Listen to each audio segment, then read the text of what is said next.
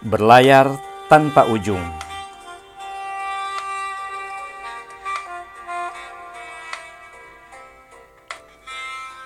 Hasan Kasim berdiri di pinggir bak penampung butiran urea. Direktur utama Pusri itu didampingi pimpinan umum Zaini Muhibat dan maintenance manager Didi Suwardi. Ada juga Wardiasa, manajer produksi sekaligus penanggung jawab startup Pusri 2. Mereka berkumpul karena sesaat lagi produksi pertama pabrik akan dimulai. Butiran urea mulai turun memutih bak salju. Tepuk tangan membahana. Tiba-tiba Hasan Kasim melompat ke tengah bak penampung. Zaini dan Wardiasa berusaha menahan Hasan, tapi Hasan bergeming. Ia terus berjalan ke tengah, menyongsong hujan pupuk. Butiran panas yang menerpa muka dan tangannya menggigiti kulit bak percikan kembang api, tapi ia abaikan. Ia menengadah, mengangkat tangan lalu mengumandangkan takbir. Allahu Akbar. Zaini, Wardiasa, dan para karyawan ikut memekikkan takbir. Hasan tengah berbahagia karena pabrik yang dibangun di zamannya mulai berproduksi.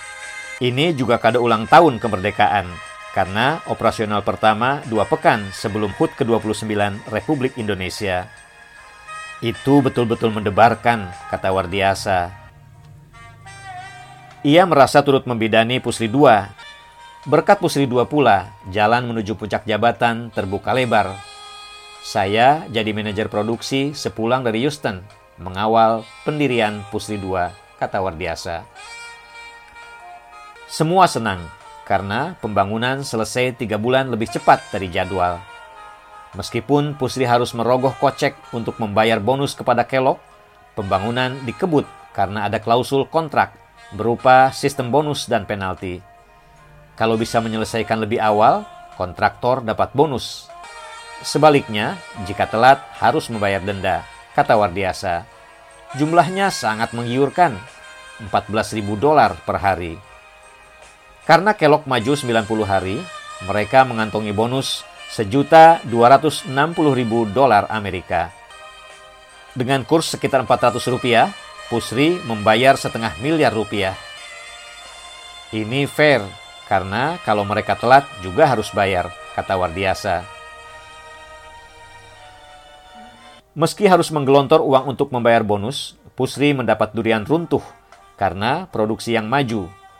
Akhir 1973, pecah perang di Semenanjung Sinai antara Israel dengan Mesir.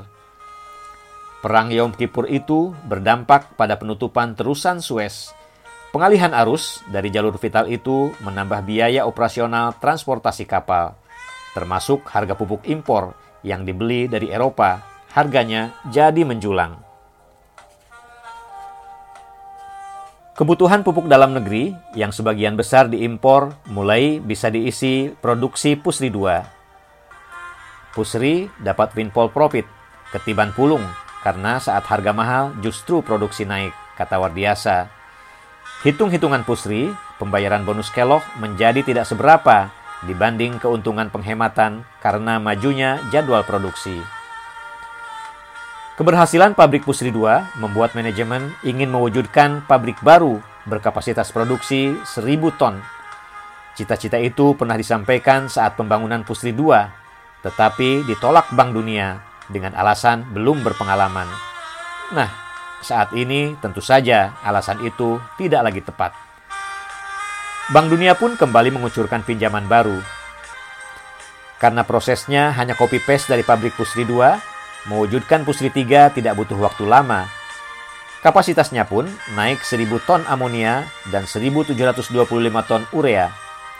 Saya nggak perlu ke Houston lagi, karena sama-sama pakai proses kelok jadi nggak serumit di awal, kata Wardiasa. Tapi Pusri tetap mengirim perwakilan untuk final acceptance. Pusri 3 berjalan, pembangunan pabrik berikutnya pun dirancang. Tidak ada kendala pembangunan fisik, tetapi menyiapkan operator kan nggak gampang, kata Wardiasa, yang sudah naik menjadi pimpinan produksi. Jabatan itu setara dengan direktur teknik dan produksi karena membawahi produksi, maintenance, inspection, dan safety. Perubahan nomenklatur jabatan itu karena seluruh direksi berkantor di Jakarta. Operasional Palembang dikomandoi pimpinan umum yang mewakili direksi untuk mengkoordinir kegiatan di Palembang. Pimpinan umum membawahi pimpinan produksi dan pimpinan administrasi. Wardiasa membawahi empat pabrik dan unit pengantongan. Pusri 3 dan Pusri 4 sebetulnya pabrik kembar dengan kapasitas masing-masing amonianya 1000 ton per hari, dan urea 1725 ton. Masuknya bahan baku gas, keluar produksinya sudah padat, kata Wardiasa.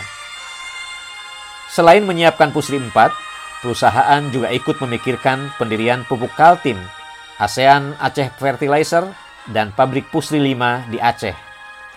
Pusri berkewajiban membantu startup pabrik-pabrik itu.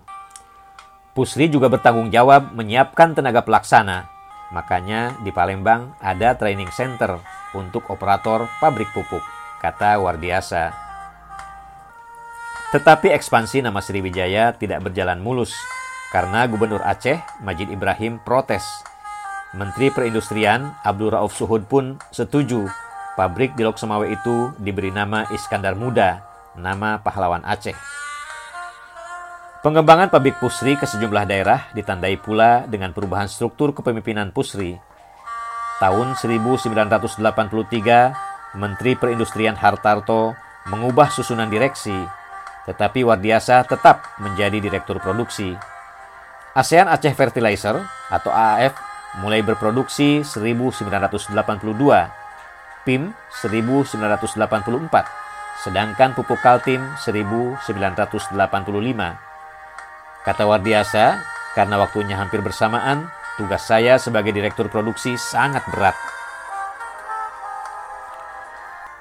Sebagai direktur produksi, Wardiasa dipusingkan dengan SDM. Ia harus mengirim tim terbaik mengawal operasi pabrik-pabrik pupuk baru itu di luar Palembang.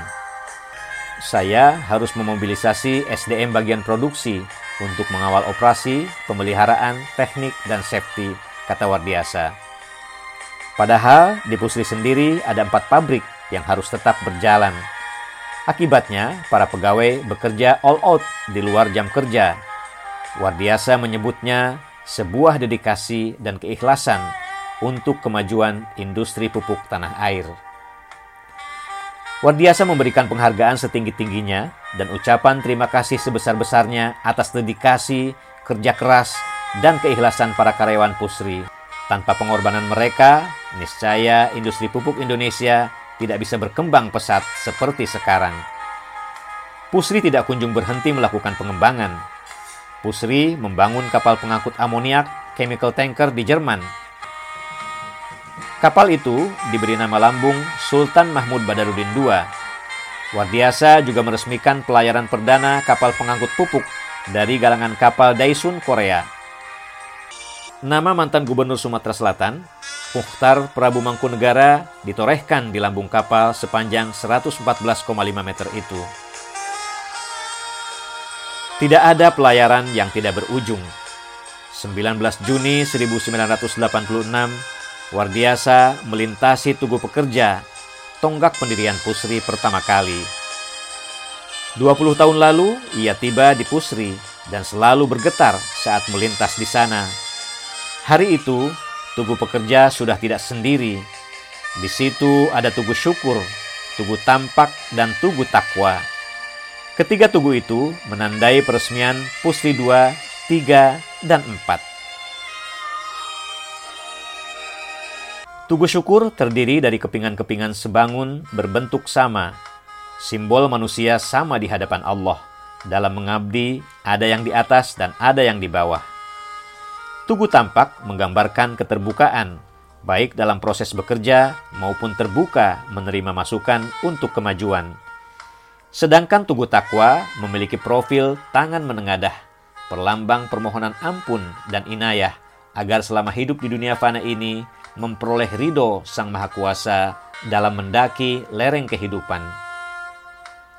Wardiasa tercekat.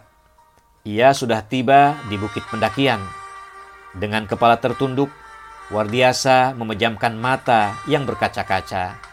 Kalbunya menggumamkan syukur. Di hari terakhir baktinya di Pusri, ingatan Wardiasa melayang ke awal tahun 1966 ketika ia pertama kali tiba di Pusri dan menjadi pekerja yang merangkak dari jabatan paling bawah sebagai foreman. Ia lempar pandangan ke asap yang menyeruak dari cerobong ia akan merindukan pabrik Pusri 1, tempatnya mengetam pelajaran. Apalagi Pusri 2, 3, dan 4 yang ikut ia bidani kelahirannya. Ia juga akan kangen suasana malam tahun baru, malam di mana seluruh petinggi dan pekerja berkumpul di pabrik, meneguk bahagia yang ditandai dengan pengantongan pamungkas. Wardiasa juga akan merindukan burung beo yang setia menyapanya Assalamualaikum. Warbotak, warbotak. Senja semakin turun. Malam segera tiba. Besok Wardiasa akan memulai lembaran baru di Cikampek. Jabatan Direktur Utama Pupuk Kujang menantinya di sana.